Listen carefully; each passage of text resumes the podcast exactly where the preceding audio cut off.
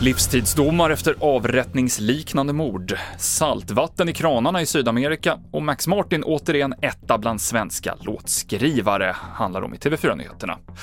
Av flera personer döms för en dödsskjutning i Norsborg söder om Stockholm för drygt ett år sedan. En 19-åring sköts med 10 skott i vad som beskrivs som en avrättning. En av skyttarna var bara 15 år vid dådet och döms till ungdomsvård. Den andra skytten som är 20 och en 22-åring som skjutsade dem och planerade mordet döms till livstidsfängelse. Vi fortsätter till Ryssland, där Moskvas borgmästare nu uppger att invånare har börjat återvända till sina lägenheter efter att ha evakuerats i samband med en drönarattack i morse. Enligt det ryska försvarsdepartementet rörde det sig om totalt åtta drönare, fem sköts ner. Inga personer ska ha skadats, men det uppstod skador på två byggnader. Lisa Grenfors kommenterar. Vi vet inte vem som ligger bakom det. Eh, från den ryska sidan så hävdar man ju då att det är Ukraina som eh, gör det.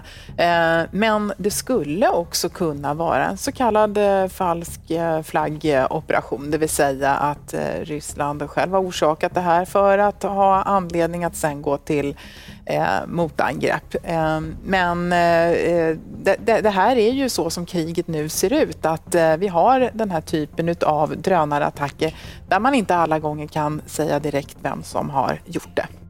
Dricksvattnet sinar i Uruguay. En historiskt svår torka och höga temperaturer har gjort att vattenunderskottet bedöms vara det värsta på över 70 år.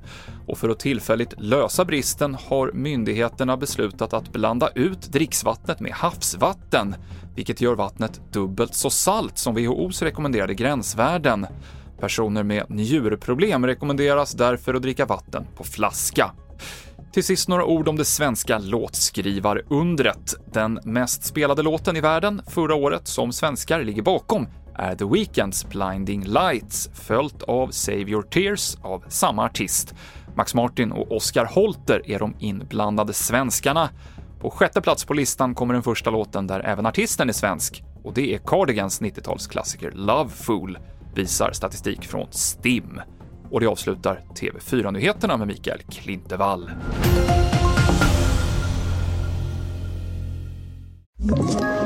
Ett poddtips från Podplay. I podden Något Kaiko garanterar östgötarna Brutti och jag, Davva, dig en stor dos skratt. Där följer jag pladask för köttätandet igen. Man är lite som en jävla vampyr. Man har fått lite blodsmak och då måste man ha mer.